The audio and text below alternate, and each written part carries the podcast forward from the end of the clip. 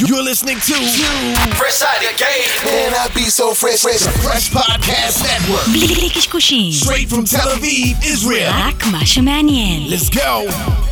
Palmungal. OMW, on my way to you.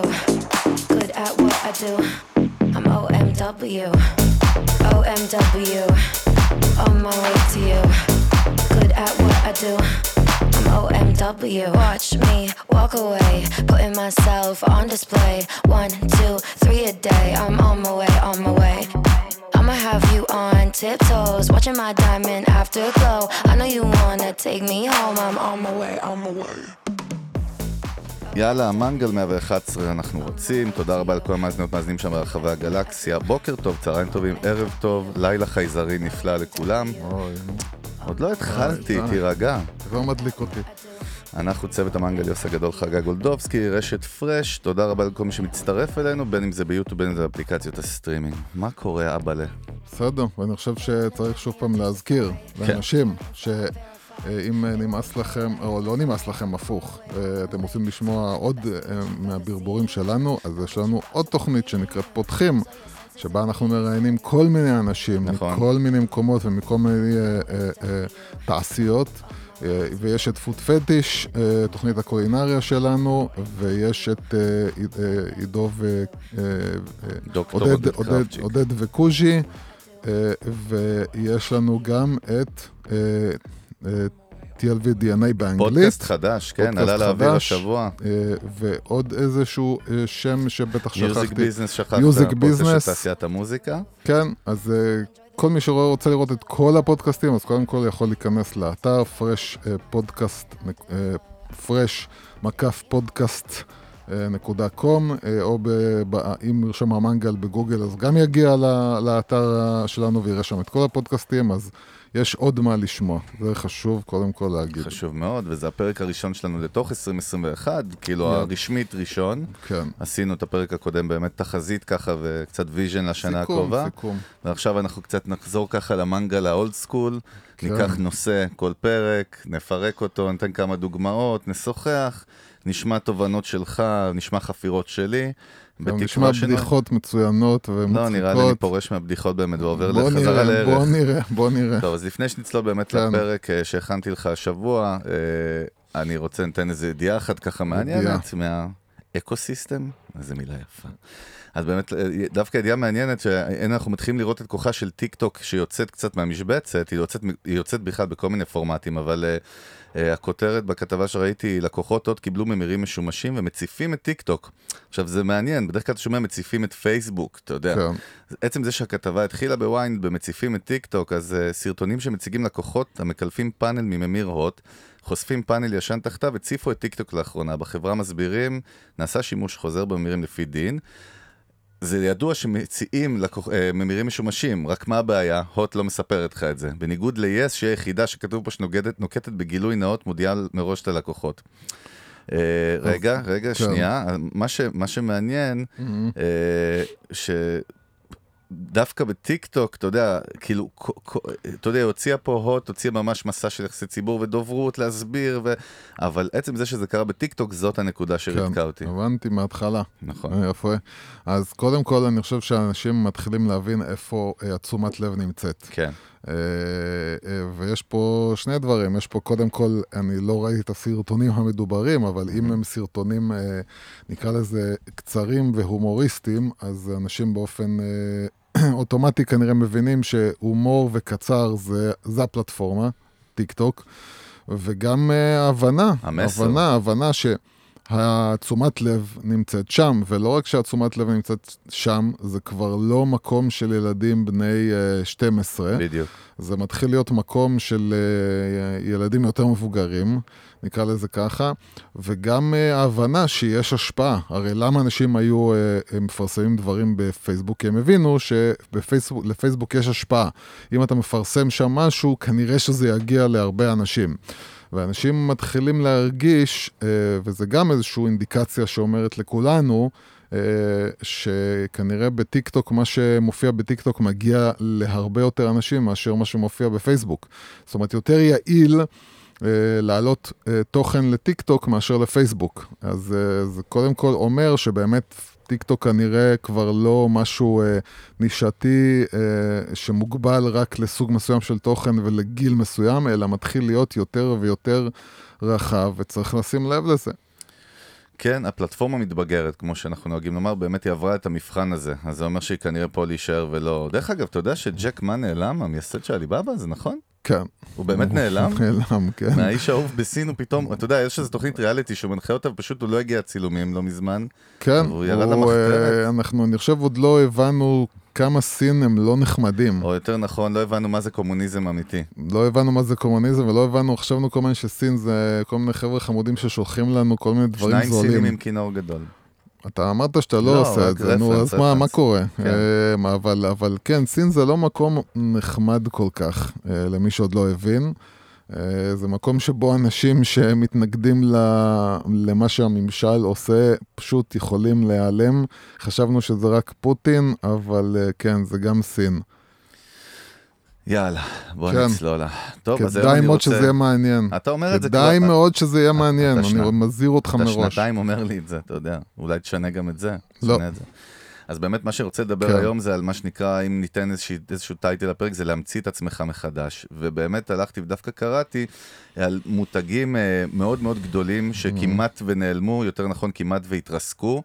או ממש כבר היו סוג של בית קברות אה, מבחינת ברנד, כן. והצליחו להמציא את עצמם מחדש, וניקח איזה חמישה דוגמאות, נפרק אותם, נספר על כל אחת מה הייתה. בטח יהרגו אותנו על זה, כי אני לא יודע אם זה חמישה או חמש, אז אה, יעשו לנו את המוות על זה. מעניין לי את החמש.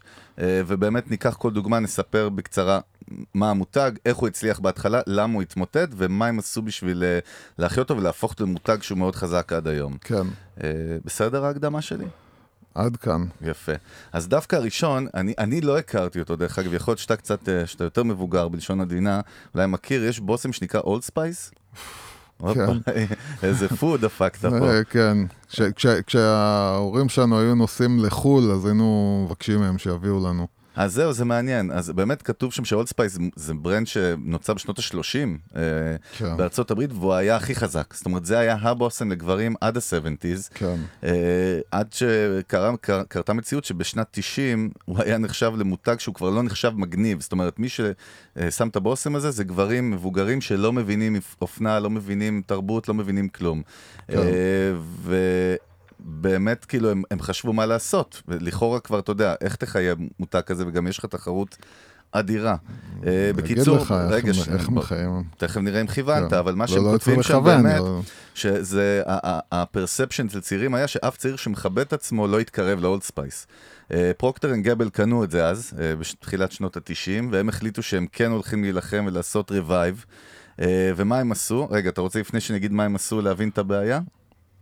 הבעיה, זהו, קודם כל זה, זה מאוד מחזק את ההבנה שמו, שמוצר לא נמצא באיזשהו חלל ריק. זאת אומרת, אה, מוצר יש, יש אה, איזושהי תפיסה שקשורה לג- מדבר אליו. consumer product, כאילו. אה, כן, בדרך כלל. כן. אז אה, או, אם אתה מתחיל עם זה, אין לי כן. עצבים לזה פורקוש כל הפרק. לא, לא, לא, זה הזקנה קופצת עליי. קפצה. אז, אה, אז זהו, אז אה, אנחנו, ההבנה הזאת היא שאני חושב גם דיברנו בוויכוח שהיה לנו, למי שלא שמע, בפרק עם, אה, רן אברהמי? כן, שהיה לנו את הוויכוח איתו על מותג, יש מותג, אין מותג, מה זה מותג? אז, אז זהו, אז, אז ההבנה שכשאתה צורך מוצר, יש לך תפיסה לגביו. ובטח, בטח, בטח בדברים שקשורים בכלל לאופנה ול... ל branding של, brandים של, אה, של בושם במקרה הזה.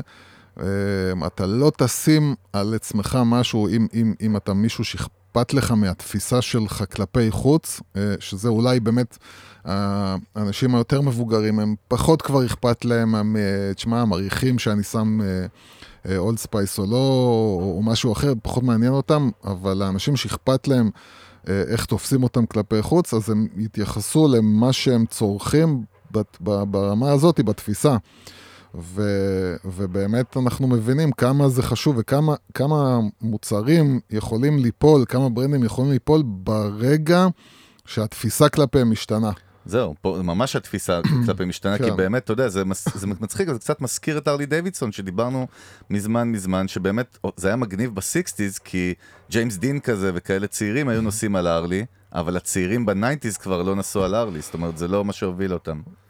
כן, בגלל זה הם ניסו כאילו, הם מנסים עדיין לעבור לחשמלי, לא. ולכל מיני, אני לא יודע אם לא יעזור להם, אבל בטח הם צריכים כאילו להבין מה, כאילו, אם המסר של אה, חופש, שזה היה המסר, כאילו, החופש, ה- אם אתה נוסע לארלי דוידסון, אז אתה בן אדם של הכבישים הפתוחים, אתה בן אדם של צודק. ה... אתה, אתה רבל, כאילו. אז זהו, זה באמת, כל אלה נופלים על טייטל של דברים שהם לא טיימלס. זאת אומרת, זה לא כמו באמת סבון נגיד, שהוא באמת יכול להיות 100 שנה. אבל אה, פה לא, ה- לא, לא, לא, מה? לא, כי אתה רואה שכן, אתה, אתה מבין שיכול להיות שהתפיסה של, אה, נגיד, אה, אם התפיסה של הרלי דוידסון הייתה שאם אתה נוסע על הרלי, אה, אתה, אתה, אתה אה, מתמרד ואתה... כן.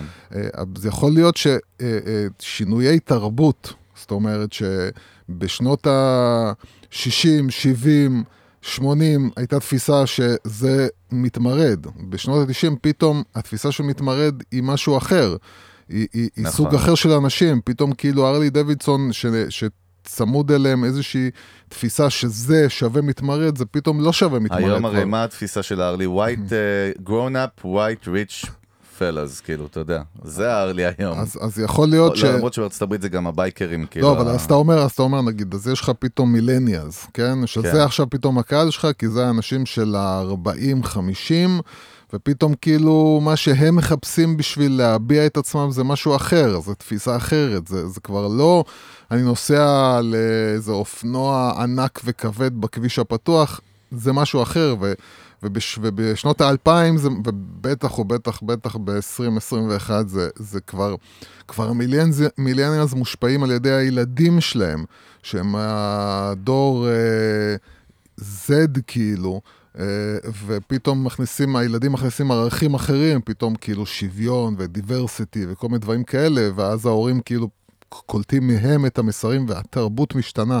וכשהתרבות משתנה, אתה צריך להסתכל מחדש על, ה... על. ה brand שלך. אז אולד ספייס, שכשמם כן, הם היו אולד ספייס ממש, אה, עשו מהלך שבאמת, דווקא בעיניי הוא מבריק, אה, והם החליטו אה, שהם הולכים ישר לשוק של ה teenagers. הם הסתכלו על זה מכמה רבדים. קודם כל הם אמרו, אנחנו מתחילים עם clean board, אנחנו פונים לקהל שאין לו עוד perception על אולד ספייס, כי הם לא נולדו שזה היה מגניב. שזה כאילו כן. מהלך הכי הפוך, כי זה היה כבר בושם לאנשים מאוד מבוגרים, וכל הקמפיינים שלהם, כל ה marketing וה rebranding שלהם, הלך ל teenagers. לפי מה שכתוב שם, הם השקיעו דווקא באירועים של skate parks, וכל מיני, אתה יודע, אה, איך זה נקרא? לא, וגם מי שמכיר, מכיר את הקמפיין אה, אז- שלהם שרץ, עם, Swagger. לא, לא זוכר מי זה היה. זהו, יש את Swagger, והם זכו גם בפרס ב-2008, The Man Your Man Could Smell, משהו כזה, זה היה איזה פרסומת, גם הייתה ב... כן, רצו בכל הרשתות החברתיות וביוטיוב חזק מאוד, וזה היה ממש, הפרסומות שלהם הפכו להיות לפיסת תוכן, כי כאילו היה מגניב לראות אותם. בדיוק, מה שעוד מעניין שהם גם חילקו דוגמאות חינם והיו עושים שיעורי בריאות שהם אימנו בבתי ספר בארצות הברית, שזה גם יפה, למה? כי זה לא ישירות בעצם קשור למוצ... למוצר עצמו. זאת אומרת, הם ייצרו איזשהו, איזשהו מערך של זה- תוכן. אז עוד פעם, זה מייצר את התפיסה. אתה, קודם כל. קודם כל, מה שאמרו זה, רגע, איך אתה יכול באמת לייצר עכשיו אה, מה שנקרא באנגלית clean slate? איך כן. אתה יכול לייצר עכשיו פתאום דף חלק, מח... להתחיל. מחדש? אתה פשוט עוזב את הקהל שלך, אתה פשוט נוטש אותו. אתה פשוט אומר כאילו, אה, אוקיי, אז, אז בוא נגיד ל... ל-60, אה, זה אין לי מה לדבר לגילאים האלה, בואו נתחיל לדבר ל... כמו שאתה מתאר, ה-teenagers וה-young adults, בואו נתחיל לדבר אליהם, ובואו נצא מכוחה שהם במילא לא מכירים, אז בואו נמחק את הכל. לא קרה שום דבר, לא היה שום דבר, אין כלום, מתחילים מחדש. ופונים לקהל אחר. ו... ועוד פעם, אנחנו דיברנו על זה כמה, כמה, כמה פעמים כבר בתוכנית הזאת, על, על ליצור תוכן שהוא כאילו לא סיילס אוריינטד, לא, לא תוכן שהוא בא למכור, אלא תוכן שהוא בא להעביר מסרים אחרים לגמרי. לא באים לשים את המוצר ולהגיד, אה, בואו תקנו את המוצר, אלא באים אה, לדבר עכשיו על אה, תפיסות חברתיות, על אנחנו באנו לשפר את העולם, לעשות אותו יותר טוב, ו, ועצם זה שאתה חתום עליו, וזה עוד פעם, אחד הדברים שאנחנו אומרים שקשה מאוד לחברות לעשות, להגיד, לא, לא, לא, לא מנסים למכור את המוצר, מנסים למכור רעיון. כן. ו- וזה דבר מאוד מאוד קשה לעשות, כי גופים מסחרים בדרך כלל רוצים למ- למכור. ו... וואי, וואי.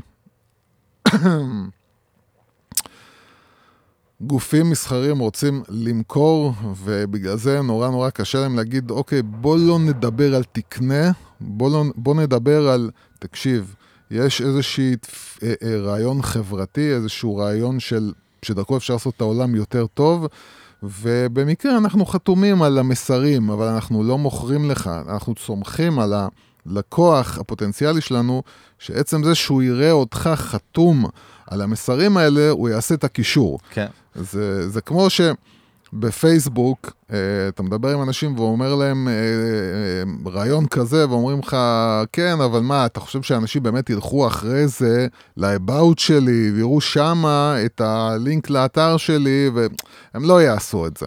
אז אם אני לא מוכר להם בפנים, הם הרי לא ילכו ויחפשו אז אותי. זהו, בשביל לסכם את הנקודה, מה קרה, זה הכי מעניין, מה קרה. מה קרה? זה לא שחבר'ה צעירים התחילו אה, אה, להשתמש באולד ספייס. מה שקרה שכל המבוגרים שמכירים את אולד ספייס חזרו להתעניין במותג, לפי מה כן. שכתוב שם, והמכירות חזרו לעלות, כי אותם מבוגרים, כבר הפרספשן שלהם עכשיו השתנה, כי הם ראו את המהלכים שהחברה עשתה וזה השפיע עליהם. מה קרה? מה שקרה זה, וזה אנחנו מדברים כל הזמן על, ה...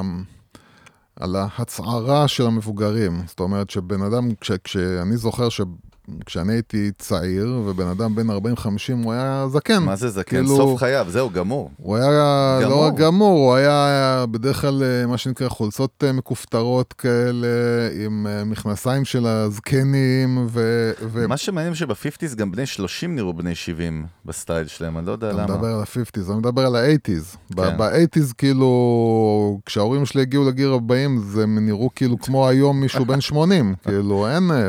אתה רואה היום בן אדם, אה, בן, אה, אני בן 50, אה, עוד ואני לא, הולך... תן, יש לך grace. רגע. כן, יש לי עוד כמה חודשים, אבל אני הולך עם הודיז, אני הולך עם טישרט, אני הולך עם דברים שאנשים... בוא, ב- בוא לא נעוף על עצמך, אתה לא פאשיניסט, בסדר יוסי? אני הפאשיניסט. מה, מה עכשיו, מה אתה... מה, אתה, טוב, שאתה צריך...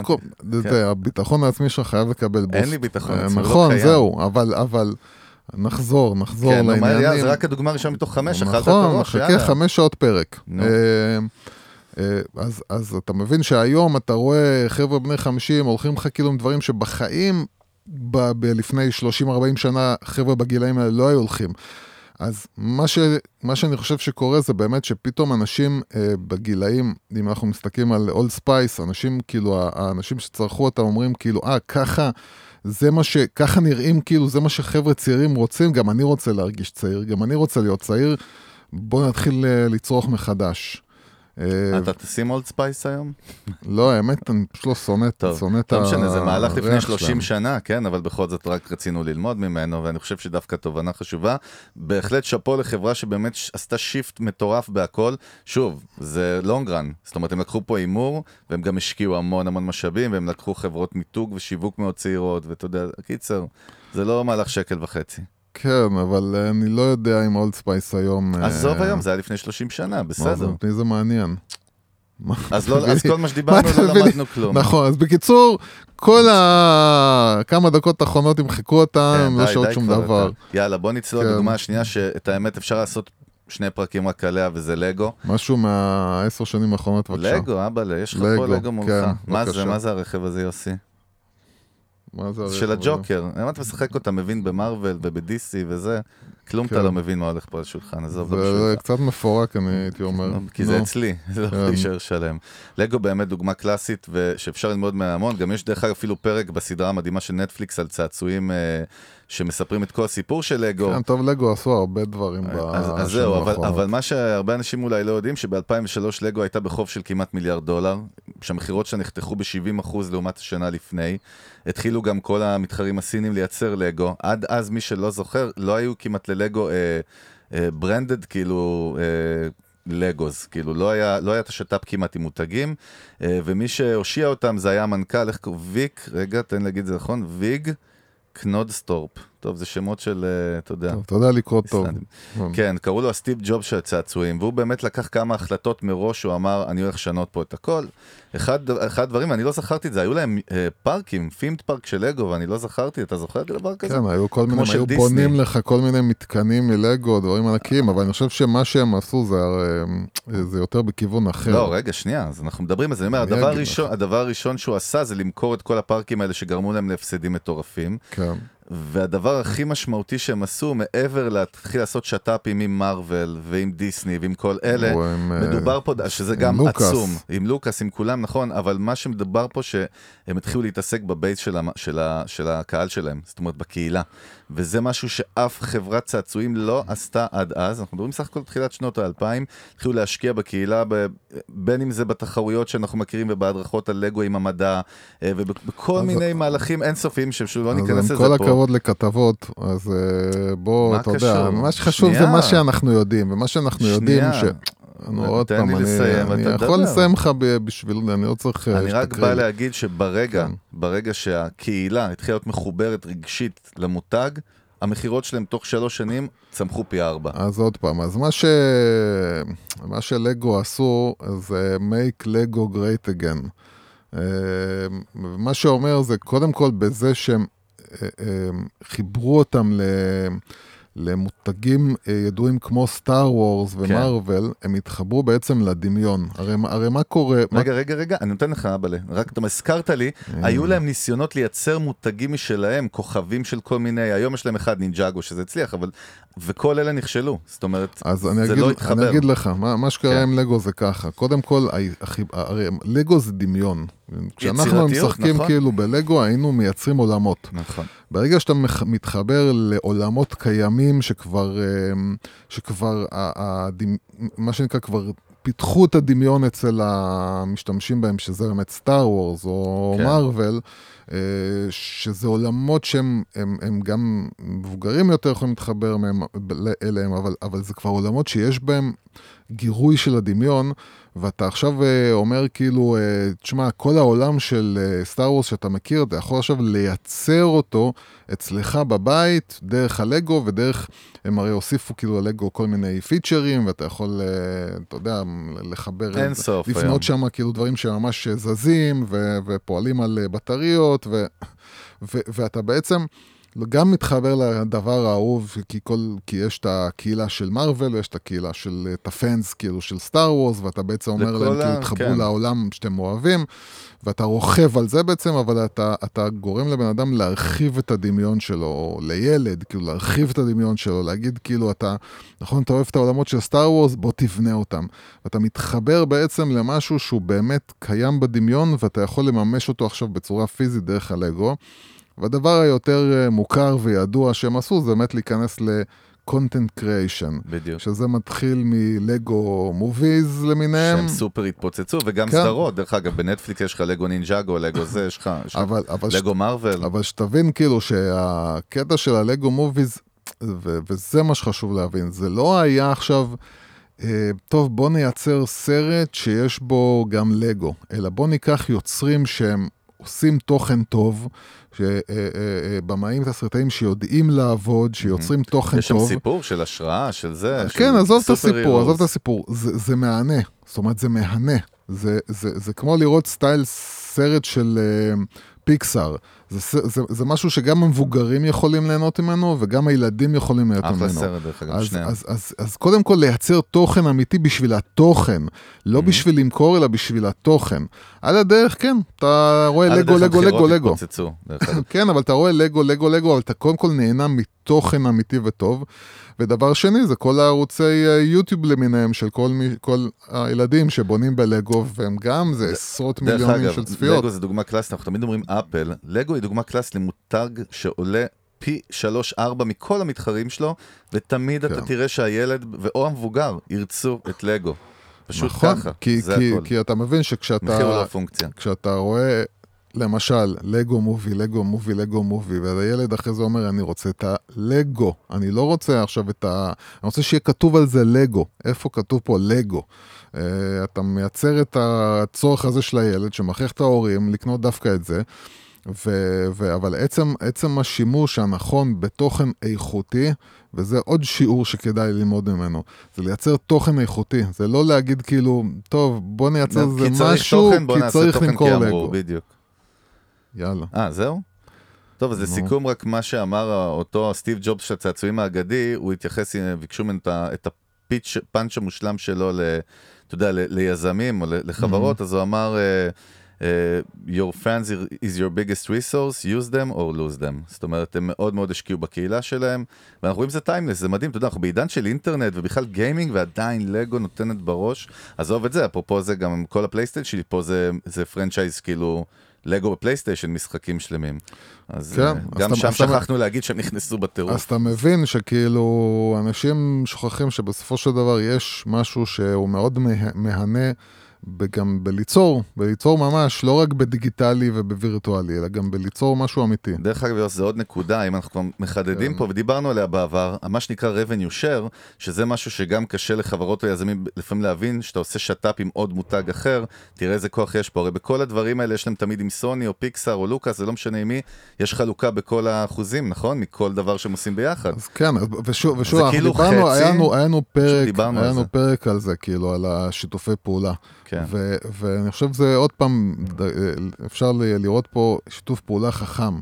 מה זה שיתוף פעולה חכם? זה לא, לא שלגו הלכו ועשו עם סטארבקס. כן. זה לגו הל- הלכו ועשו עם, עם משהו עם אה, עולם שבו הדמיון הוא חלק מאוד חשוב. מארוול, סטאר וורס, הדמיון הוא חלק מאוד קריטי שם, ובגלל זה השיתוף פעולה הוא חכם. כן? אתה אומר? נו, טוב. יאללה, דוגמה מספר של... אה, פתאום הלאה, פתאום אתה ממהר. שנייה אחת רגע, יש חמש שעות, שנייה אין אחת זה... בעיה, אין בעיה, בוא, אתה יודע מה? תשים וזלין, בוא נתחיל. טוב, יוסי, כן, לא, אתה צריך טיפול. אני ואני... יודע. אני יאללה, יודע. דוגמה מספר 3, פולרויד. פולרויד, לא דיברנו וואי, עכשיו אף וואי, פעם. וואי. לפני שנגיד מה היא עשתה בש... ואיך היא בכלל היום חברה רווחית, שזה בכלל כן. פלא, זה מרתק. בוא נספר למי שלא יודע מה זה פולרויד, מלא עכשיו באוטו, שמעל גיל 40 מחייכים עושים הראש, אה, כן, בטח, כן, גדלנו על פולרויד זה. לי הייתה מצלמת פולרויד. ברור, וזה היה נחשב גם סופר סקסי ומגניב וצעיר. תספר רגע מה זה פולרויד. פולרויד זה פשוט אה, מצ... מצלמה די גדולה יחסית, שברגע שאתה מצלם, יוצאת לך תמונה אחרי שתי דקות אנחנו שהיא מכירים את זה היום לאוויר. מהמגנטים וזה בחתונות יותר וזה, אבל פעם... אה, אז, אז שם זה היה כאילו, אתה מצלם, אתה מוציא את התמונה, מקבל אותה ישר, לא צריך לפתח, לא צריך שום דבר, זה כאילו היה כן, העניין. ושוב, אנחנו מדברים על עידן של 60-70, ששם היית צריך לחכות ימים או שבועות בשביל לפתח פילים, נכון? 80's ו... ותחשוב, לפי 90s. מה שכתוב שם, זה באמת הייתה חברה שהיא מאוד אינובייטיב, כאילו, היא מאוד מאוד הייתה חדשנית. זה כן. היה חדשני, ודבר שני, זה ישר אה, התחבר לצעירים, שזה מה שמעניין. זאת אומרת, ה- הקהל העיקרי כאילו- של זה גם מותג אופנתי, ותמיד המצלמות, הנה, אני רואה פה גם את התמונה, זה באמת נראה כזה... זה נראה היה- שונה ממצלמות, אתה מבין? זה היה נראה... כן, זה היה נראה כאילו כמו איזה גאדג'ט של פעם, כן. וזה גם כאילו ה... הצורך המיידי. זאת אומרת, אתה יוצא מנקודת הנחה שאנשים מבוגרים שיש להם יותר סבלנות, והם פחות צריכים כאילו את, ה... את, ה... את הדבר שיקרה מהר, יש להם יותר... החבר'ה הצעירים כאילו, הם רוצים... אין, אין סבלנות, מה שנקרא, צריך ש... שזה יקרה עכשיו. אז uh, עצם זה שמייצרים לך איזשהו גאדג'ט שאתה אומר, "אה, עכשיו אני אלך לחנות, אני אפתח אותה, וזה, בוא עכשיו, בוא, בוא תוך שתי דקות יש לי כבר את התוצאה ביד. כן, אז באמת, ב- בתחילת שנות ה... וגם זהו, וגם כל כן. הצבעים שלהם תמיד היו, הם היו צבעונים, אתה יודע, זה הלוגו שלהם, הכל היה זה צבעוני. גם מזכיר, אפילו הצבעים במצלמה, ש- בתמונות, זה מזכיר פילטרים היום של אינסטגרם. כן, יש זה פילטרים נראה- שמבוססים על פולרויד, היו להם, אה, כן, היו להם, התמונה הייתה נראית כאילו שונה, זה לא היה נראה כמו... אבל בקיצר, אז ב-2008, אנחנו כן. כבר מדברים על העידן שהתחילו מצלמות דיגיטליות, ופתאום כן. הפונקציה הזאת נראית לא כן, רלוונטית. לא- יקרה, מסורבלת, כאילו המימד הפיזי שהוא אנלוגי בכלל. הם הגישו בנקרפסי, הגישו בקשה פשיטת רגל כן. ב-2008, וזה, אתה יודע, זה מעניין, זה היה אמור כאילו כמו בלוקבאסטר באמת להיעלם. ומסופר פה מה הם עשו באמת, קודם כל בשנת 2017 חברה הולנדית קנתה אותם, חברה צעירה, Mm. שהחליטה שהיא רוכבת דווקא על לוקחת את כל מה שיש לפולרויד והופכת את זה ליתרון, וזה דווקא העניין של הרטרו והמימד האנלוגי עם הדיגיטלי. כן. אני חושב שאתה תתחבר לזה. אז בעצם מדובר פה על זה שהיו פה שני חלקים ללמה הם הצליחו והיום הם כן מאוד מצליחים. אז קודם כל, מה שהיה נראה מיושן ולא אופנתי, נגיד באלפיים, פתאום עכשיו אנחנו בעידן כזה, שים לב, רטרו, ווקמנים, אה, תקליטים. תקליטים, הכל חוזר. זה- תקליטים נמכרים יותר מאשר. דיסקים. נכון, אז מה שקרה באמת לווייניל ולקלטות בעצם קרה בקטע של הפולרויד. כן. ומה זה החוט המקשר הזה בין כל המוצרים האלה שהצליחו לעבור? הכמיהה הזאת ל- ל- למימד האנלוגי כן. בעידן שהוא מאוד מאוד דיגיטלי וקר.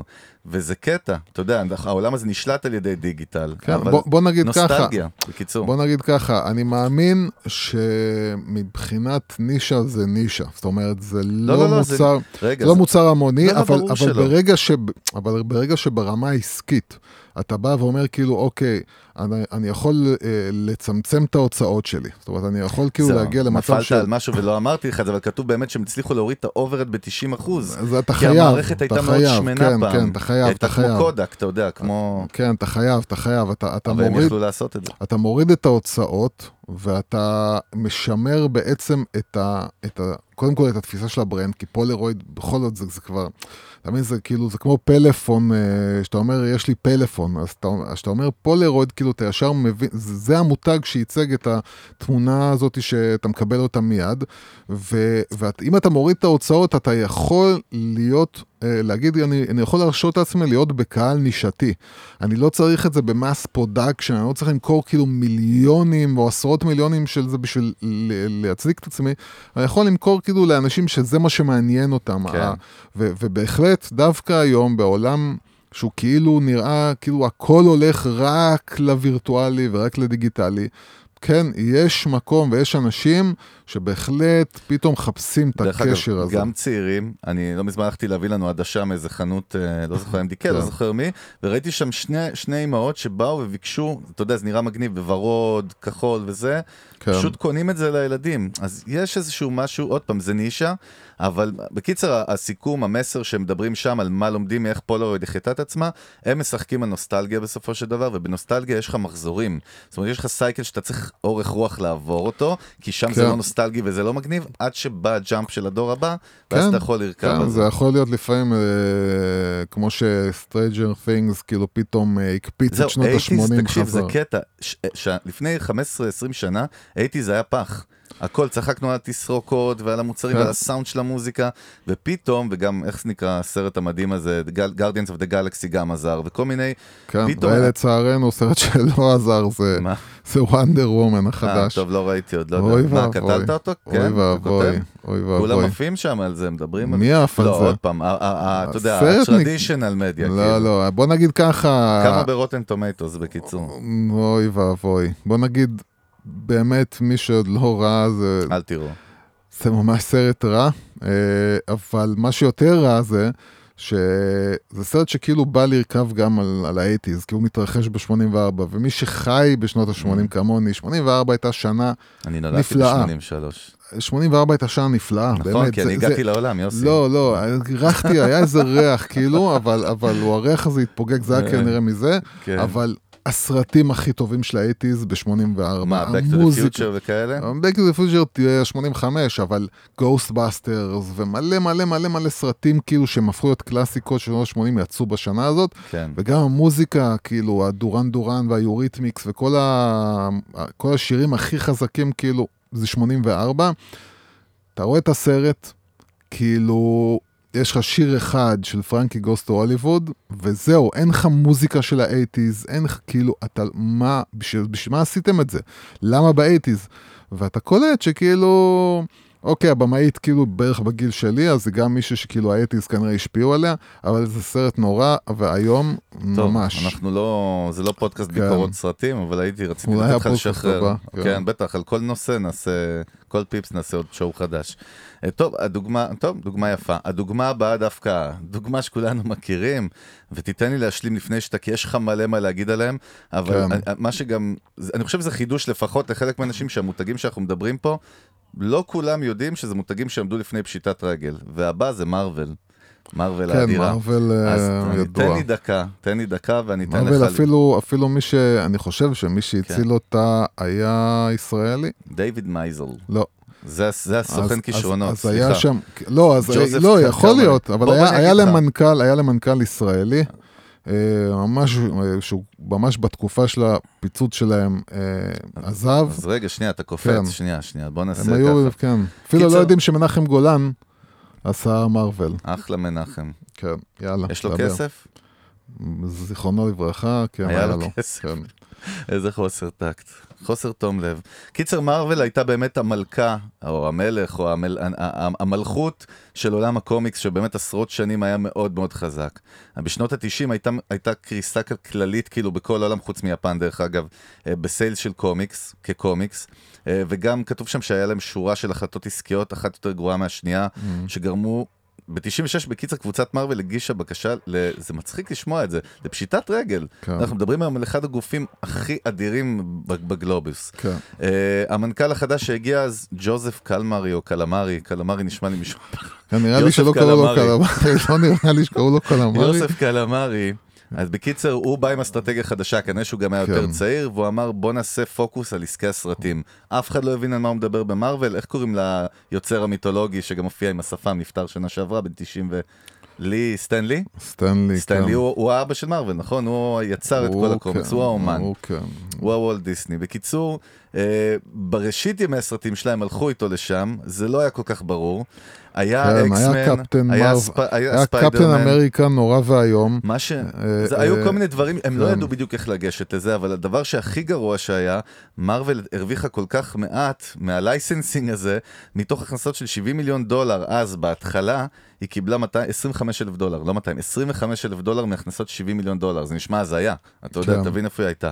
ואז בשנת 2003, סוכן כישרונות מהוליווד בשם דיוויד, מייזל, מייזל זה בטוח יהודי, אין מצב שלא, כן. אמר למרוויל, למה שאתם לא תפיקו את הסרטים בעצמכם, וזה ייתן לכם שליטה אומנותית וכלכלית, ויאפשר לכם לעשות cross platform ברמה של דמויות שעוברות מסרט לסרט, בגיבוי של מריל לינץ', מריל לינץ' עכשיו זה אחד הבנקים הגדולים של המימון, נכון? מרוויל רכשה מחדש את הדמויות, שהעניקו והחלה לעבוד על איירון מן הראשון, בשנת 2007, 600 מיליון דולר box office, והתחיל מה שהפך לזיכיון הגדול בהיסטוריה של הקולנוע. כן. אחרי זה דיסני התחיל לדפוק בדלת, הצעה של 4 מיליארד. בקיצר, בוא, יש לך מה להגיד פה, ואנחנו מדברים שוב על איך מותג החיה את עצמו, ואני חושב שיש פה המון מה ללמוד. אמ, כן, אז קודם כל אמ, צריך להבין, כאילו, אמ, בישראל קומיקס זה לא דבר כל כך אה, זה, אבל קומיקס פיזי גם היום, דרך אגב, נמצא בצרות. אמ, מכירות חוץ הקומיקס... מיפן, אני מדגיש, יש להם, זה עולם בסדר, שטוב, מכירות זה הקומיקס ecosystem היום אחר. הם אה, די אה, בקרשים, ומה שמציל באמת זה, זה טלוויזיה וקולנוע, אבל, אה, אבל קודם כל באמת אה, אה, יש משהו שחוזר על עצמו בינתיים, זה באמת אה, אה, ההבנה ש... מה, מה שהיה פעם מצליח ופתאום חווה נפילה, יכול עדיין להמציא את עצמו. זאת אומרת, זה- ל- זה כל המהות של לברנד- הפרק הזה, זה מעודד. לברנד, לברנד יש עדיין משמעות. כן. זאת אומרת, גם, גם אם הוא נמצא במצב, במצב פחות טוב, לברנד עדיין יש כוח. אתה, אתה, אתה פשוט רק צריך לדעת איך לרתום אותו. נכון. ובאמת, מה, ש, מה שמרוויל עשו הוא בכלל מאוד מיוחד. אה, כי מה שמרוויל עשו זה, זה לקחת, אה, אה, מה שנקרא Creative Forces, לקחת אה, כוחות אמנותיים שכביכול, למשל הם לקחו את ג'ון פאברו שעשה את איירון מן. שהוא לא היה איזה לא- לא במאי, היה איזה הוא היה. שחקן בכלל, כן. הוא עשה איזה סרט לפני זה, והוא אה, הוא לא היה, ו- ו- וזה חזר על עצמו. זאת אומרת, גם בשאר הסרטים שלהם, הם לוקחים במאים שלמשל עושים סרטים מאוד אומנותיים, ומאוד לא high production, ומזהים אנשים עם ראייה מאוד מיוחדת, ו... ונותנים צ'אנס לאנשים צעירים עם ראייה אה, קריאטיבית מיוחדת, הם לוקחים סיכונים. עכשיו, נכון שמרוויל, יש להם איזשהו, אה, מה שנקרא איזשהו DNA שהם בנו. זאת אומרת, אתה נכנס לסרט של מרוויל, אתה פחות או יותר יודע מה אתה הולך לקבל. זה הולך להיות כאילו הומור, זה הולך להיות מבוים בצורה מסוימת.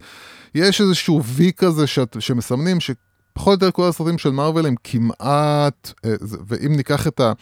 את ה את הצד השני, את, ה, את התחרות של מרוויל, שזה DC, אז DC זה תמיד מאופיין במשהו אפל אפל, דארק כאילו, כזה, כן, נכון. יותר אפל, כאילו, נכון. ו- ומרוויל היו יותר כאילו צבעוני ויותר, וגם בסרטים שלהם יש איזשהו DNA שהם בנו, שכל אומן שנכנס הוא מכניס את הקטע שלו, אבל בסופו של דבר זה נופל בתוך ה... לא, אני אגיד לך גם מה עוד יותר מטורף, שאני קורא את זה, כתוב שחוץ מהלק, כאילו, אף דמות לא הייתה יודע מחוץ לקהילת הקומיקס. כן, כל מה שאנחנו כן, כל מה שאנחנו היום, אה, זה זה בכלל... בזכות אף אחד- המהלך הזה שהם הלכו ל- ל- ל- לייצר תוכן. נכון, מטורף. והיום אה, היום אותו אה, היקום, ג'ון.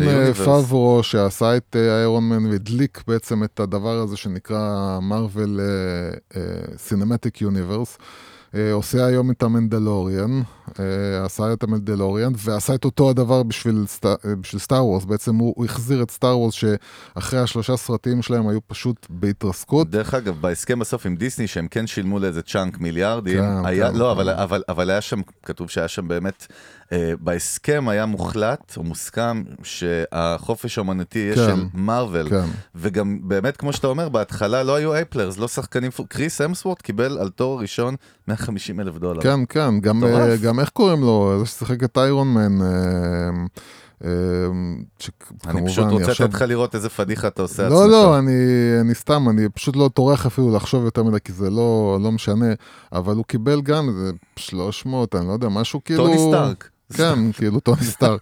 הם כאילו, כן, לא היה, לא היו מקבלים כסף כאילו אז גדול, הם, כאילו אף אחד גם תחשוב שאף אחד לא ידע מה הולך לקרות, זאת אומרת, רוברט דאוני ג'וניור, כן, רוברט דאוני. ג'וניור, אז, אז, אז כשעשו את איירון מן, אף אחד לא ידע מה הולך להיות. זה הנקודה, כאילו, תמיד קל לך להסתכל היום בדיעבד ולהגיד, מארוול. וואלה, מארוול, פש, בטח, אבל כשהם עשו את זה, אף אחד לא, לא, חשב אני אגיד לך שזה יותר יהיה מה מזה, שזה. זה רק מחזק, באמת מעודד אותי במה שאנחנו תמיד צועקים, גם לעצמנו, גם לאחרים. לונגרן, שנים של הימור ועבודה ואני, קשה. ואני אגיד לך. ויותר, ויותר מזה, זה אני, אני אגיד לך יותר. מזה, וזה, זה, כן. מה השיעור האמיתי, וזה עוד פעם, אני לא רוצה עוד פעם להידרדר למה קורה פה בארץ ומה בישראל ולמה בישראל, אבל אה, כאילו, לא מבינים שכל החבר'ה האלה היו מוכנים לקחת צ'אנס, לקחת סיכון, לעשות משהו שמיליון אחרים אמרו להם, אתם משוגעים, וגם למרוויל אמרו, כאילו, אתם מטורפים, אתם הולכים להתמוד, להתמוטט כלכלית במצב הגרוע שאתם נמצאים בו, ללכת ולעשות סרטים, שזה עולם של המון המון השקעות. וסיכונים, ואתה סרט, אתה אף פעם לא יכול לדעת, אתה יכול לחשוב שזה יצליח, אתה לא באמת יודע אם זה יצליח. והיו הרבה שאמרו להם, אתם משוגעים, אתם עושים טעות. ו... ואין פה, צריך להבין, הרבה פעמים הדברים שמצליחים, זה הדברים שהם לא הולכים בתלם, או הדברים שהם לא הולכים במקומות שכבר אנשים אחרים הלכו, או, או הם, הם פשוט פותחים תלם חדש ועושים משהו חדש. והדבר הכי יצירתי זה הדבר שאתה מסתכל עליו ואומר, כאילו, לא ראיתי עוד, את זה עוד נעשה ככה בשום מקום אחר. ורוב הס, הסיכויים שלכם להצליח עם משהו שהוא חדשני ולא נוסה, הם לדעתי, להיות, היום, היום, ב-2021, הם יותר גבוהים, מהמם. ויש, בוא נגיד, יש ככה, יש שני דברים שאנחנו גם חוזרים ואומרים אה, אותם וחוזרים עליהם. יש את האפשרות הראשונה, וזה תעשה את מה שעושים, אבל יותר טוב.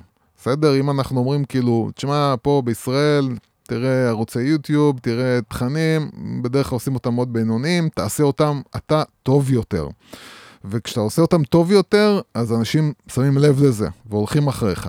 האפשרות השנייה זה, תעשה משהו שעוד אף אחד לא עשה. ויש בזה סיכון, אבל הסיכוי שלך שאם אתה מצליח בלעשות משהו שעוד אף אחד אחר לא עשה, אתה הופך להיות למוביל בתחום הזה.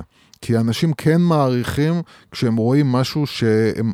שהם מרגישים שהוא חדש, שהוא נותן כאילו משהו רענן, ו- ו- וזה מה שמרוויל עשו. מרוויל נכנסו ועשו משהו שאף אחד לא, לא עשה לפניהם, וגם אף אחד לא מצליח לחזור על זה. מה הלקח הנלמד מזה במשפט אחד, עבור המאזינים שלנו, מבח- מבחינתך? שקודם כל, שוב, תוכן זה, זה הדבר הכי חשוב, זה אנחנו רואים שוב ושוב, גם, ברם, גם ב Old Spice וגם במרוויל, בסופו של דבר תוכן, וגם בלגו. תוכן הציל כאילו את המותג, תוכן הציל את המותג, ותוכן טוב, שנותן באמת entertainment איכותי, שנותן בידור אמיתי ואיכותי, ו- ו- ומוכנים לקחת סיכון. יאללה, לדוגמה הבאה, מספר 4 ברשימה. קדם. כולם super brands, דרך אגב, חוץ מ Old Spice, שאני לא יודע איך הוא נכנס שם כן, לליסטה. Old- אבל- לא, אבל זה- זה Old Spice. באמת Old fucking Spice. 30 שנה. צריך לעשות... אה, גמרת אותי, New נו. Fragrance by יוסי פורקוש. מה? יאללה, נינטנדו, הדוגמה הבאה שלנו. תקשיב, נינטנדו. גם נינטנדו הייתה על סף פשיטת רגל, שזה מדהים. היא ה godfather של ה gaming industry ממש. כן, זה גם תחשוב, אותי לילדות. אתה- תקשיב, עד 95 נינטנדו מכרה יותר ממיליארד, מיליארד כן. משחקים, כאילו slots כן. של המשחקים שלהם.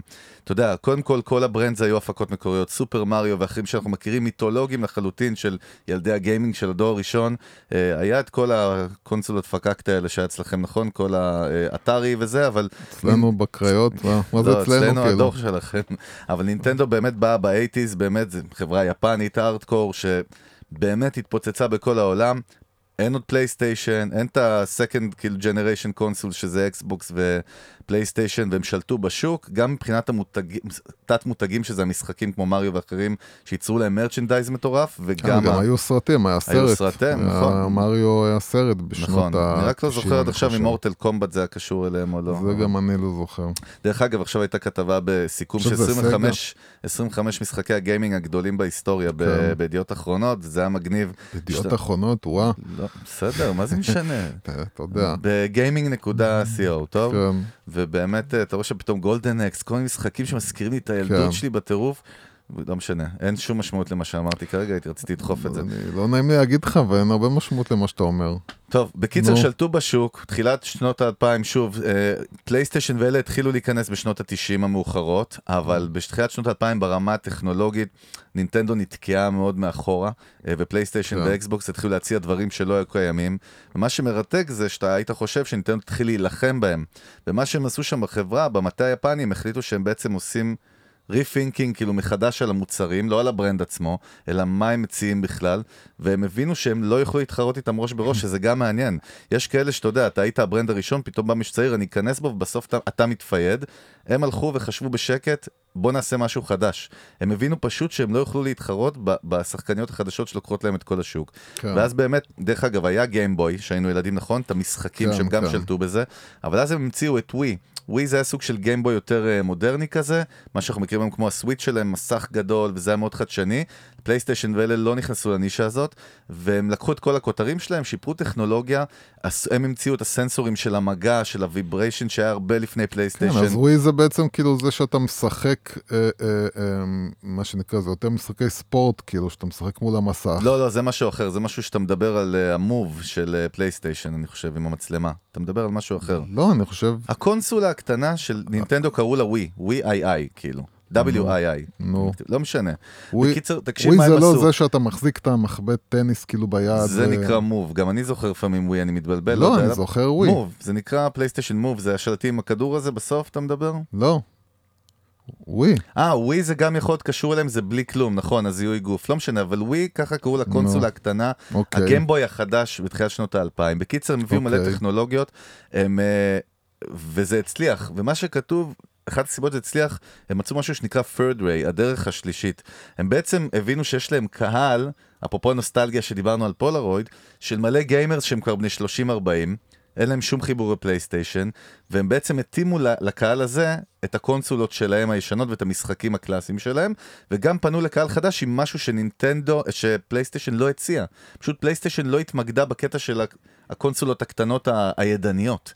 וזה מה שהציל את החברה. זאת אומרת, זה, והלקח שנלמד, לפי מה שכתוב פה, אני, אני, אני אוהב את זה פשוט איך שזה כתוב, תכף אני רוצה שתדבר על זה, כאשר מתחרים נכנסים לשוק ועושים את מה שאתה עושה יותר טוב ממך, לא תמיד צריך להתעמת איתם ראש בראש, לפעמים עדיף להסתובב בשוק חדש לחלוטין במקום זאת. אה, תן משהו בכל זאת, יוסי, אני יודע שאתה אה, פחות בגיימינג, אבל... אה, אתה קצת אה, כיוון, אתה קצת מכוון אותי כאילו מה להגיד, לא, אז אה, לא רוצה לכוון. אז אה, תמחק מה שאמרתי עכשיו. לא, אז בסדר, לא, לא... אבל, אנחנו לוקחים בסוף מהמותגים למה שאנחנו רוצים שכל יזם בעל עסק ינסה להבין. ויש פה בהחלט נקודה, כי אנחנו מכירים את לא, המקרים האלה כל. יום שנכנס מישהו לשוק שלך, זה יכול להיות פלאפל אפילו, כן? אני לא אוהב אז השאלה זה, השאלה זה אם מה שהם עשו זה בעצם להגיד בוא אנחנו במקום אה, להמשיך להתחרות בתוך מה שאנחנו עושים ומישהו אחר עושה יותר טוב בוא נעשה משהו, אה, נפתח כאילו שוק חדש. זה בדיוק מה שהם אמרו. אז, אה, אז אני אומר, יש לנו את ה-know-how כאילו, אנחנו, יש לנו את הברנד אז, שלנו. אז מה, מה החוכמה פה בעצם? החוכמה פה היא להגיד, רגע, אם אני עכשיו, ואני מנסה כאילו לחשוב סתם על, אה, אפילו כאילו, אתה יודע, ללכת לכיוון אחר וזה לחשוב על משהו אה, ישראלי. סתם, אתה יודע, נגיד אני אקח את הדבר הכי שמשעמם אותי, זה נגיד בזק, כן? ואתה אומר, אה, בזק או נינטנדו, היינו הך כרגע לצורך הדוגמה, אה, יש לי כבר את השם, זאת אומרת, יש לי את השם ב, ב, בתעשייה הזאת. זאת אומרת, כבר יודעים וסומכים עליי שבתעשייה הזאת, בזק זה נגיד, אה, לא יודע מה, טלפוניה באופן כללי, או טכנולוגיה של טלפוניה, ונינטנדו משחקים. יש כבר, אנשים סומכים עליי בעולם הזה. אז אם אני מייצר עכשיו מסלול חדש, מוצר חדש, תעשייה חדשה, קטגוריה חדשה, קטגוריה יותר נכון, זאת אם ההגדרה. אני מייצר קטגוריה חדשה, יש את, עדיין את הביטחון של הלקוח שמכיר את השם, שתשמע, אני סומך עליו שהוא ייצר פה משהו שהוא חדש, אבל מכיוון שמי שמייצר אותו, אני סומך עליו, אז אני גם סומך על זה שהוא יעשה את זה טוב. עכשיו, זה דבר חדש, בוא, אתה יודע, אם זה חדש, בוא נבדוק מה זה. אז קודם כל זה מסקרן, כי יש לך פה את החיבור בין המותג הזה, או השם הזה, שיש לו מוניטין, ואתה סומך עליו, ואתה יודע שהוא עושה את מה שהוא עושה טוב. ומצד שני, משהו חדש, שהוא make sense, כי הוא בתוך העולם הזה, כן? בוא נגיד אם, לצורך העניין, אם בזק היו מייצרים טכנולוגיה חדשנית בעולם הטלפוניה, אז השם של בזק הוא מייצר לך תפיסה שאתה אתה אומר כאילו, אוקיי, אני סומך עליהם שהם יודעים לעשות את מה שהם עושים כמו שצריך, כן. וזה משהו חדש, בוא נבדוק. אז אני חושב שזה מה שקרה עם נינטנדו בסופו של דבר, אז- שנינטנדו כאילו קודם לקחו את כל. השם שלהם, שמו את הסטמפה שלהם על משהו חדש. קטגוריה חדשה, שאתה מספיק סומך עליהם שהם יודעים מה הם עושים, ואתה חייב לבדוק את זה כי זה נינטנדו. אז מה שכתוב גם באמת שם, שמי שהציל אותם, היה להם את היתרון של נוסטלגיה שלא היה לפלייסטיישן ולאקסבוקס, כי היה להם את הקהל שלהם כבר מדור אחד אחורה, כן, ה- נוסטלגיה, hardcore gaming fans, נוסטלגיה כאילו. זה מאוד. נוסטלגיה זהו, כאילו אנשים לא מבינים כמה נוסטלגיה זה כלי מאוד חזק. דרך אגב, ותסתכל היום, אנחנו מסתכלים עכשיו, נסתכל פה על chart מסוף 2019, על ה market share של gaming, אז יש לך את פלייסטיישן 56%, אקסבוקס 25%, ונינטנדו סוויץ' 19%. סוויץ' זה בעצם הקונסולה היום כבר שהיא גם משהו חדש שפל... שנינטנדו המציאו, שזה גם כזה, והשלטים מתפרקים וזה הופך להיות מוח כמו פלייסט, כאילו... כאילו, home כאילו, to, to the gaming station. אז, אז באמת הם עשו משהו שהוא הופך להיות גם עידני וגם משהו חבל על הזמן. קיצר, לעמוד היום אחרי הכמעט התרסקות שלהם על 19% market share, אני אומר, זה לא פחות ממדהים. כן, אה, שוב, אז אה, תמיד יש סיכוי, ופה הם הלכו פשוט, אה, בין, בוא נגיד, בניגוד לדוגמאות הקודמות, או בנוסף לדוגמאות הקודמות, הם פשוט באמת המציאו קטגוריה, השתמשו בשם שלהם, במוניטין שלהם ובמרכיב הנוסטלגיה, שהוא מאוד מאוד מאוד מאוד משמעותי, ואנשים ממעיטים בערכו, נוסטלגיה זה דבר מאוד מאוד מאוד חזק. והם השתמשו בכל זה בשביל לייצר קטגוריה יופי, חדשה. יופי. עכשיו כן. אנחנו לסיכום נדבר על שני מותגים שלא הצליחו לרתום את כל אבל ה skill היינו. ארבע, לא? לא, לא, מסתבר זה חמש, גם לא שמתי לב. היינו Old Spice. כן, אה, לגו. לגו, מרוויל, נינטנדו, פולארויד. לא, טוב. אוקיי. זמן רץ שנהנים, אה יוסי? Mm. אז בואו. לסיכום ככה, בואו ניתן גם שני דוגמאות של חברות שסופר הצליחו והיו מותגי על ולא הצליחו להשכיל. אוקיי. הראשונה היא חברה שדווקא לא דיברנו עליה אף פעם, אנחנו מכירים אותה טוב, זה מייספייס. מייספייס הידועה, שהייתה אה. אחת הרשתות החברתיות הראשונות by far לפני פייסבוק, היה לי שם account. גם לי, והשיקו את זה ב-2003, נשמענו כמו לפני עידנים, אבל סך הכל לפני 17 שנה. היא הייתה החוויה הראשונה של רוב האנשים בעולם ב social media. כן. היא הייתה, סוש... אתה יודע, לא, תחשוב, אין יוטיוב 2003, אין לינקדין, אין, אין כאילו... פייסבוק, כן, אין פייסבוק, כלום. שנה לפני פייסבוק, ו- she was dominated the market, אתה יודע, הם שלטו בשוק. כן. ב-2006 זה היה האתר social כאילו הכי, עם ה traffic הכי גבוה בארצות הברית. כן, גם נמכרו ב... נמכרו לרופרט משהו מרדוק, קנה אותו מטורף. ב-580 מיליון דולר.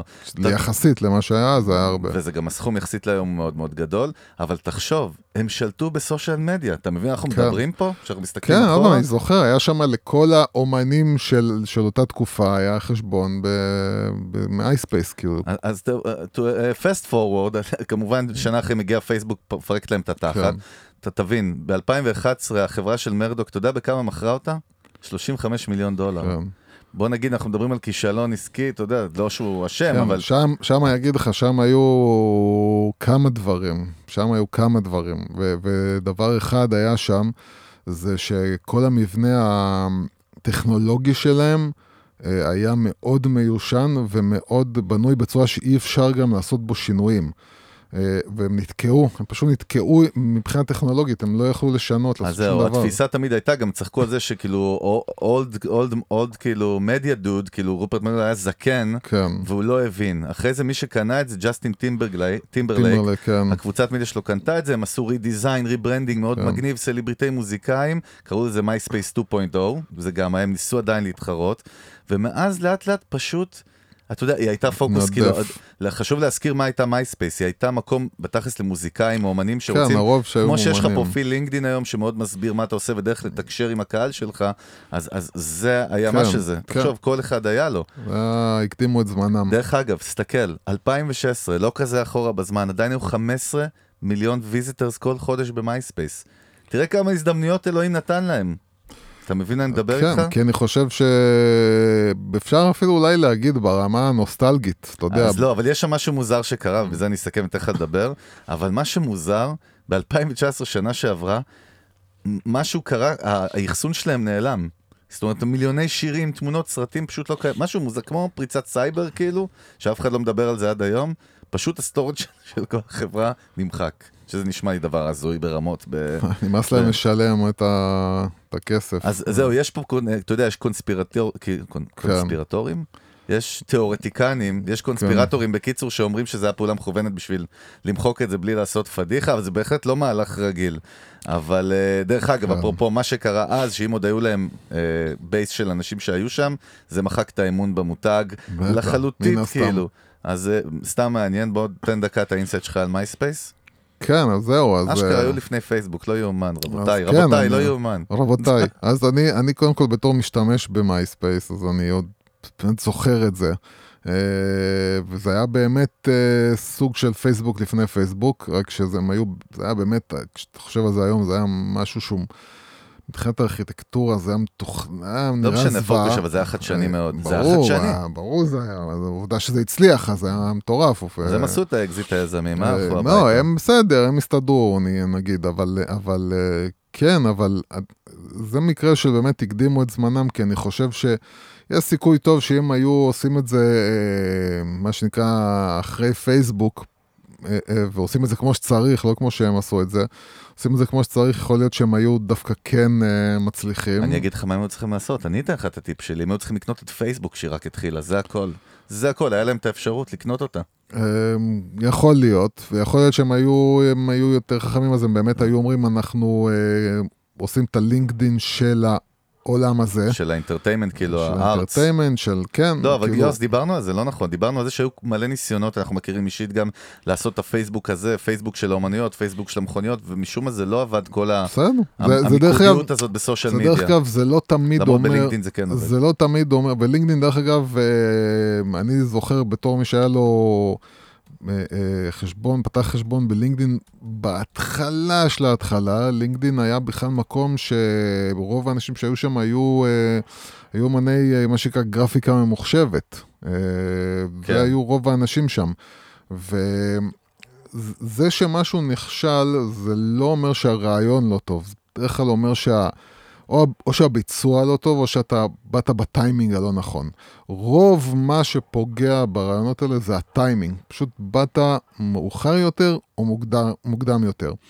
אה, לפעמים יכול להיות שאם היו משנים משהו, או מושכים קצת את הזמן, או, או לא יודע מה עושים, היו יכולים לעשות כן החייאה. לדבר הזה, כי, כי גם אפילו למייספייס יש סוג של אה, נוסטלגיה. לאנשים שהיו אז, בזמנים ההם, יש איזשהו רגש כזה כלפי המקום הזה. אה, וכן, בית הקברות הדיגיטלי מלא בניסיונות שהלכו ו- ומתו בגלל שלא השקיעו בהם מספיק, בגלל שלא עשו branding כמו שצריך, בגלל שטויות בדרך כלל. כן. אה, כן, אז מה אתה רוצה שאני אגיד? תגיד משהו. לא יודע, אין לי מה להגיד. טוב, עכשיו לקראת סיום אמרתי שניתן שתי דוגמאות, כן, ופתאום קצת שיש לי. רשימה של מלא מותגים כאלה, כי... ברור, מה חסר? אבל אמרתי, תמיד אנחנו אומרים בלוגבאסטר וזה, בוא נלך על משהו, אתה יודע, שעוד לא אמרנו אותו, אתה יודע. לא. בא לך? אני אחליט רגע, תן לי להחליט. יש לי פה רשימה, כן, תפתיע אותי. יש לי פה רשימה. שוק מי. אני אגיד אה, לך. טוב, בינתיים... בינתיים נעשה תעשה איזה שיר, איזה דבר תורה, משהו, דבר למאזינים. שלנו. רבותיי טוב, פרשת השבוע. תראה, עוד חברה כן. מוכרת, פחות דיברנו, אבל בהחלט super brand מטורף שהתרסק. הוא עדיין קיים באיזושהי קונסטלציה, וזה טויז ארס, בסדר? בואו ניקח אותה. קיים, כן. הוא, הוא קיים באיזושהי קונסטלציה מוזרה כן, שלא הבנתי אותה. זה זה כאילו מישהו קנה את ה brand והוא לא מתייחס זה- לזה כ brand. זה דוגמה. style, אני חושב style כאילו באמת, אה, איך קוראים להם, של התקליטים?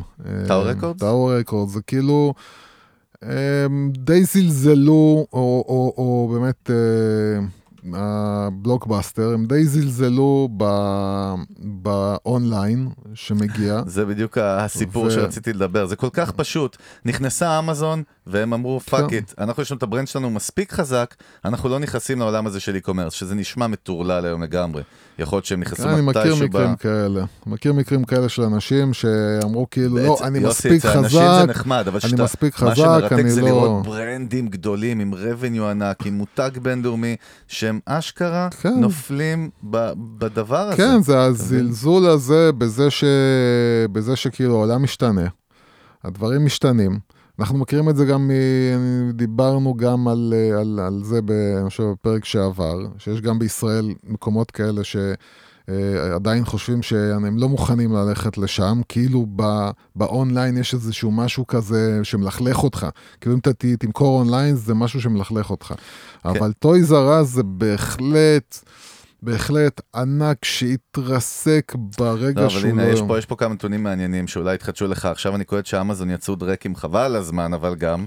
דרך אגב, ראיתי עכשיו סרט על... אה, סרט מרתק, דווקא דוקו ביוטיוב, שנקרא, כאילו, הבנייה של אמזון ובזוס, בקיצור, תקשיב, הבחור אה, נראה מאוד חמודי, או, אבל הוא איש לא. עסקים מפחיד. הוא בכלל לא, ו- בכלל לא חמוד. ו- ו- אבל זה, זה התדמית, זה הטריקי פה, כאילו. אבל אני אומר שאתה רואה שם כל מיני אנשים, כמו גם, אה, באתי להגיד מפיצי ספרים, זה נשמע כמו מפיצי מחלות.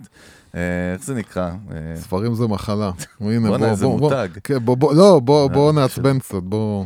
לא, אז בוא- בוא- בקיצר- תוציא אותנו אבל מהקשרנו. מה שמרתק, אני רואה פה כן. שבשנת 2000 באמת אמזון חתמה עם אמזון, שאז רק התחילה כבר למכור אונליין לא רק ספרים. אמזון חתמה עם אמזון? תקשיב, זה מה שאמרתי עכשיו? כן, בסדר. קודם כל אמזון גם חתמה עם אמזון, זה כן. fair enough. וחוץ מאמזון שחתמה עם אמזון, עם מי עוד היא חתמה? צעצועים זה אנחנו. צעצועים זה אנחנו, כן.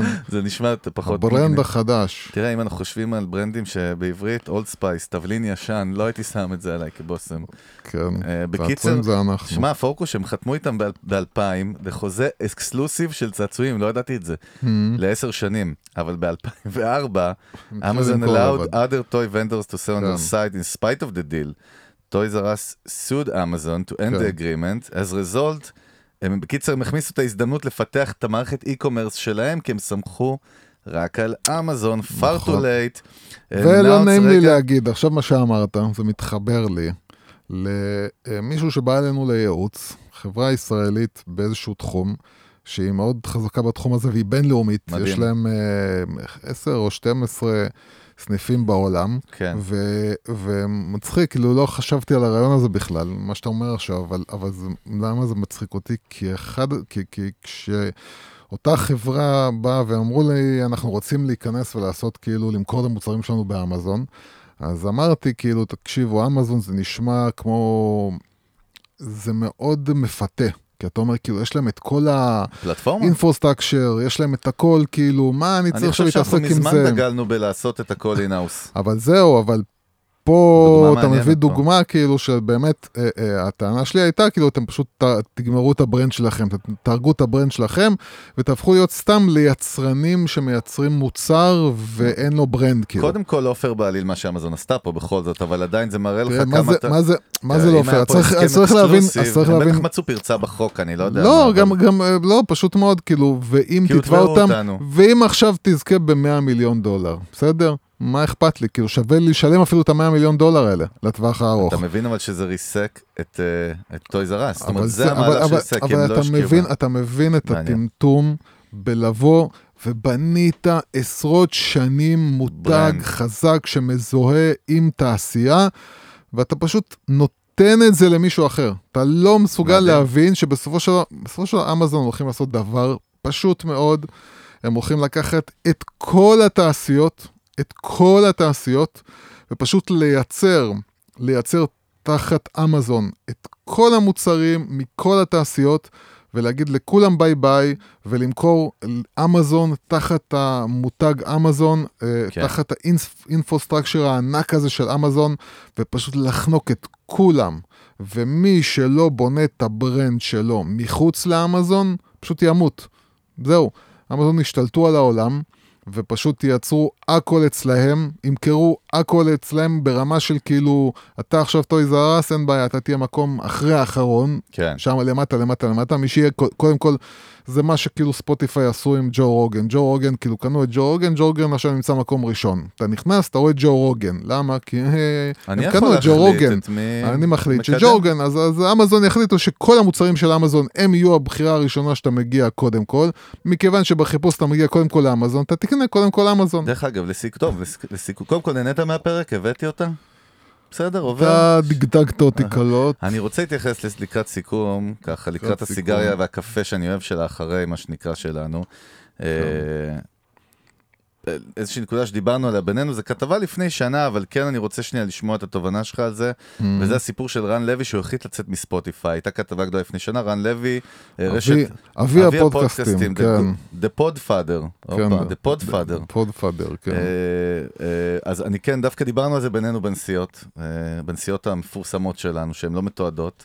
אה, ובאמת, כן. אני, אני כן רוצה שתסביר, רן לוי בעצם, למה הוא החליט לצאת מספוטיפיי, שיש לה צ'אנק, לא יודע אז כמה היום, אבל 30-40 אחוז מההאזנות שלו כן. הגיעו, הגיעו משם, של הרשת שלו, והוא החליט אה, מהסיבות שלו לצאת, ואתה לא הסכמת. אוקיי, מה זה מהסיבות שלו? הסיבות שלו? הוא החליט לצאת מספוטיפיי. בסדר, הוא, כמו שאני מבין, אם אני מבין נכון, הוא פשוט בא ואמר, כאילו, אני רואה שרוב ההאזנות שלי מגיעות ממקור אחד, אני לא רוצה שכל ההאזנות שלי יהיו, רובם יהיו ממקור אחד, אני רוצה שהן יהיו מפוזרות, כי במידה וספוטיפיי החליטו פתאום לעשות איזשהו שינוי כמעט מדיניות. 50 אחוז מההאזנות שלו כן. הגיעו משם בזמן אז, הכתבה. אז, אז כן, וגם אצלנו עכשיו זה, זה 40 אחוז מהאזנות, ובסופו של דבר הוא הרגיש שספוטיפיי יש להם יותר מדי כוח אה, עליו, והם יחדו לעשות איזשהו שינוי, וגם עצם. העובדה שהם בעצם, דרך התוכן שהוא מייצר להם, הם עושים את הרווחים אז, שלהם. אבל בוא נאתגר את עצמנו, כי לכאורה בוא ניקח ונבדיל את הדוגמה דווקא של טויז ארס, שזה הקלאסי שאמרנו ששם הם תלו את עצמם בפלט, בפלטפורמה, רן כן. לוי בעצם גם פה טוען, איפשהו בהיגיון ובצדק, איפשהו, בוא ננתח את זה רגע, שבעצם הוא תלוי בפלטפורמה, והיא יכולה יום אחד, כמו אה. לא, שאמרת על ג'ו רוגן, דקה לפני לא, שאמרתי אגיד את לך, זה, אני אגיד לך מה, ידעת שאני הולך להגיד את זה, לא, להעלים אותך, בבקשה. לא, אבל אני, תראה, אני חושב כן. שמה שרן לוי עשה, אה, הוא, הוא בעצם, הרי, הרי לעושים היסטוריה יש אה, אפליקציה משלהם. נכון. אני חושב שמה שהוא מנסה לעשות זה להזרים את האנשים לאפליקציה. זאת אומרת, להגיד לאנשים... אבל זה גם אנחנו, יש לנו האזנה באתר שלנו, וכל RSS וכל שרת אתה יכול להזין. אל, מ- אל, אל, אל, סליחה. אל, אל תשווה בין אה, האזנה דרך אה, דפדפן. לאפליקציה כן. יהודית. אה, אני חושב שמה שהוא רצה, רוצה לעשות זה בעצם להגיד, סבבה, אתם רוצים לצרוך אותי, קודם כל תורידו את האפליקציה. זה, זה כאילו... זה כאילו מה שהוא מנסה זה לא לעשות. נכון, יוסי, כי יש לו גם באפל פודקאסט ובגוגל, באחרות בסדר, אבל, נמצא. אבל, אם, אבל אם, אם יש לך 50 אחוז שמתחלקים עכשיו על, על כן, שלוש, כן, כן, ארבע כן. מקומות, אה, אז יש לך סיכוי יותר טוב להזרים אנשים למקום ספציפי תראה, מה שאתה שהוא רוצה טען פה לעשות. בעיקר זה ציטוט שלו מהכתבה, אז בגיק טיים שתי הפלטפורמות, אה, הוא דיבר דווקא על יוטיוב ופייסבוק, בחרו ליצור חציצה בין יוצר התוכן לקהל. ביוטיוב כיוצרים אנחנו לא יודעים מהאנשים שעשו subscribe לוידאו, אם אתה רוצה לעזוב את יוטיוב או שיוטיוב מעיפה אותך, אין לך שום דרך לדעת מי המאזינים שלך או לפנות אליהם. היא יוצרת חציצה, כן. אבל אתה לא הסכמת איתו, ואני רוצה כן שתגיד למה לא. לא, אני אגיד לך, אני אגיד לך. כן. אני- בוא, בוא, בוא, בוא אני אגיד לך מתי זה נכון ומתי זה לא נכון. בבקשה. בסיטואציה שבה אתה באמת, אה, אם אתה אסטרטגית עכשיו מחליט שאתה מייצר אפליקציה, אוקיי? ואתה רוצה לתת אה, אה, לכל האנשים, בוא אני אתן לך את הדוגמה של NPR. NPR זה הרשת זה רשת אה, רדיו אה, אמריקאית, שהיא בעצם הרשת הציבורית, כן. אה, ו- ולהם, הם- הם בכל תחנות הרדיו בארצות הברית, ו- ויש להם גם אפליקציה. עכשיו, אני ניסיתי להשתמש באפליקציה שלהם, זוועה, זוועה. כאילו, השתמשתי בה יום אחד ופשוט נטשתי. והיה שם פודקאסט שמאוד רציתי לשמוע, אבל הוא נמצא רק שם, ולא הייתי מסוגל להשתמש, זה היה פשוט זוועה. אם אתה עכשיו מחליט, נגיד אה, אה, אסטרטגית, אני עכשיו רוצה להכניס, אני רוצה שאנשים ייקחו את האפליקציה שלי, כי יש לי עכשיו רשת של פודקאסטים, ו- ואני רוצה שהם יצרכו אותה שם, אתה צריך להיות מוכן לזה. א' כל, שהאפליקציה שלך תהיה סופר, כאילו פשוט תהיה, אה, תהיה תיתן, ספוטיפיי. תיתן, תיתן כן. כאילו את מה שספוטיפיי נותנת, ויש לך מספיק כסף גם לעשות marketing בשביל אה, להריץ את האנשים לשם.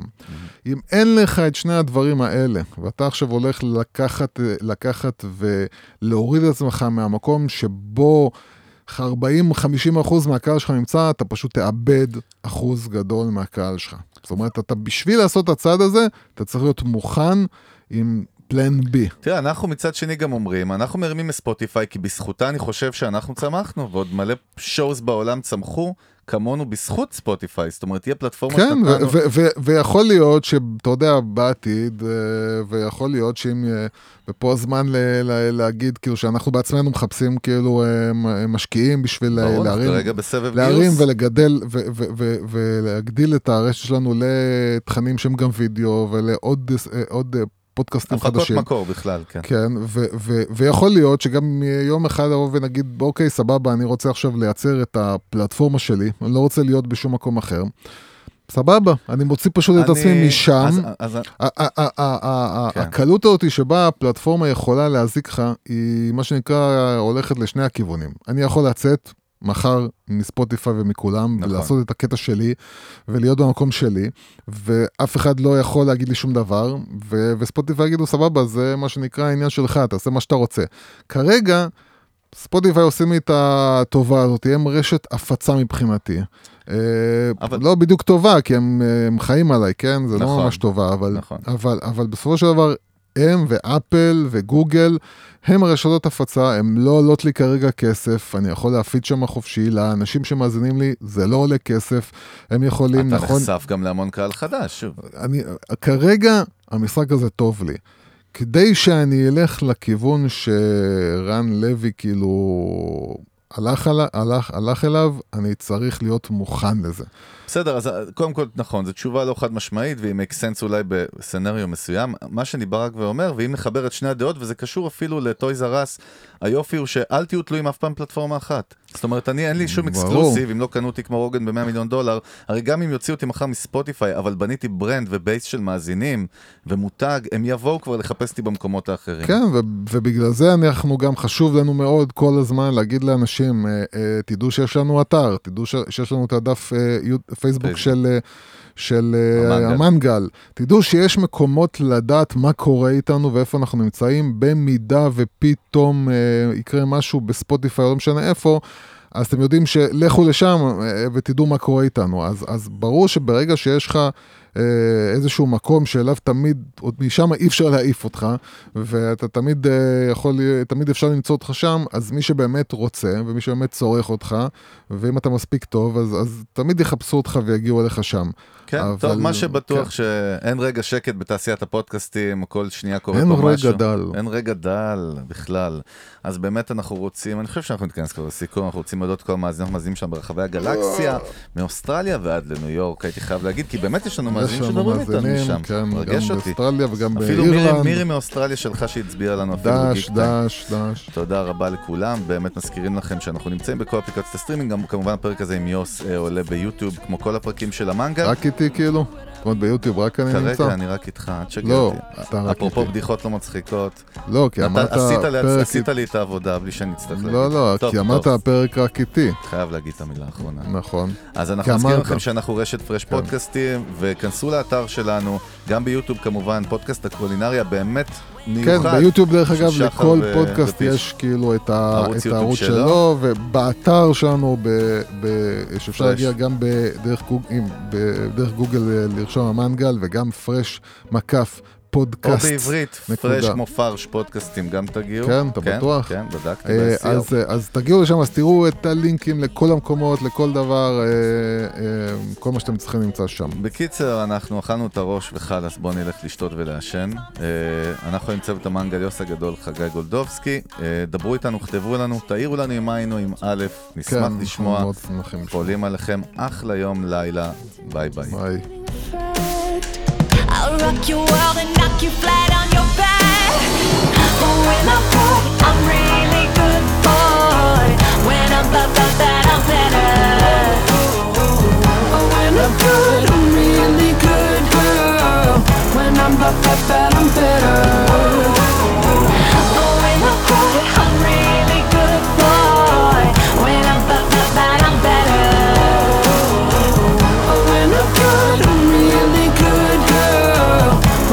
I'm better.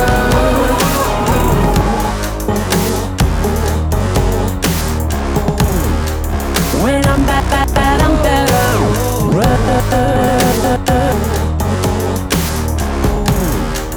When I'm back, back,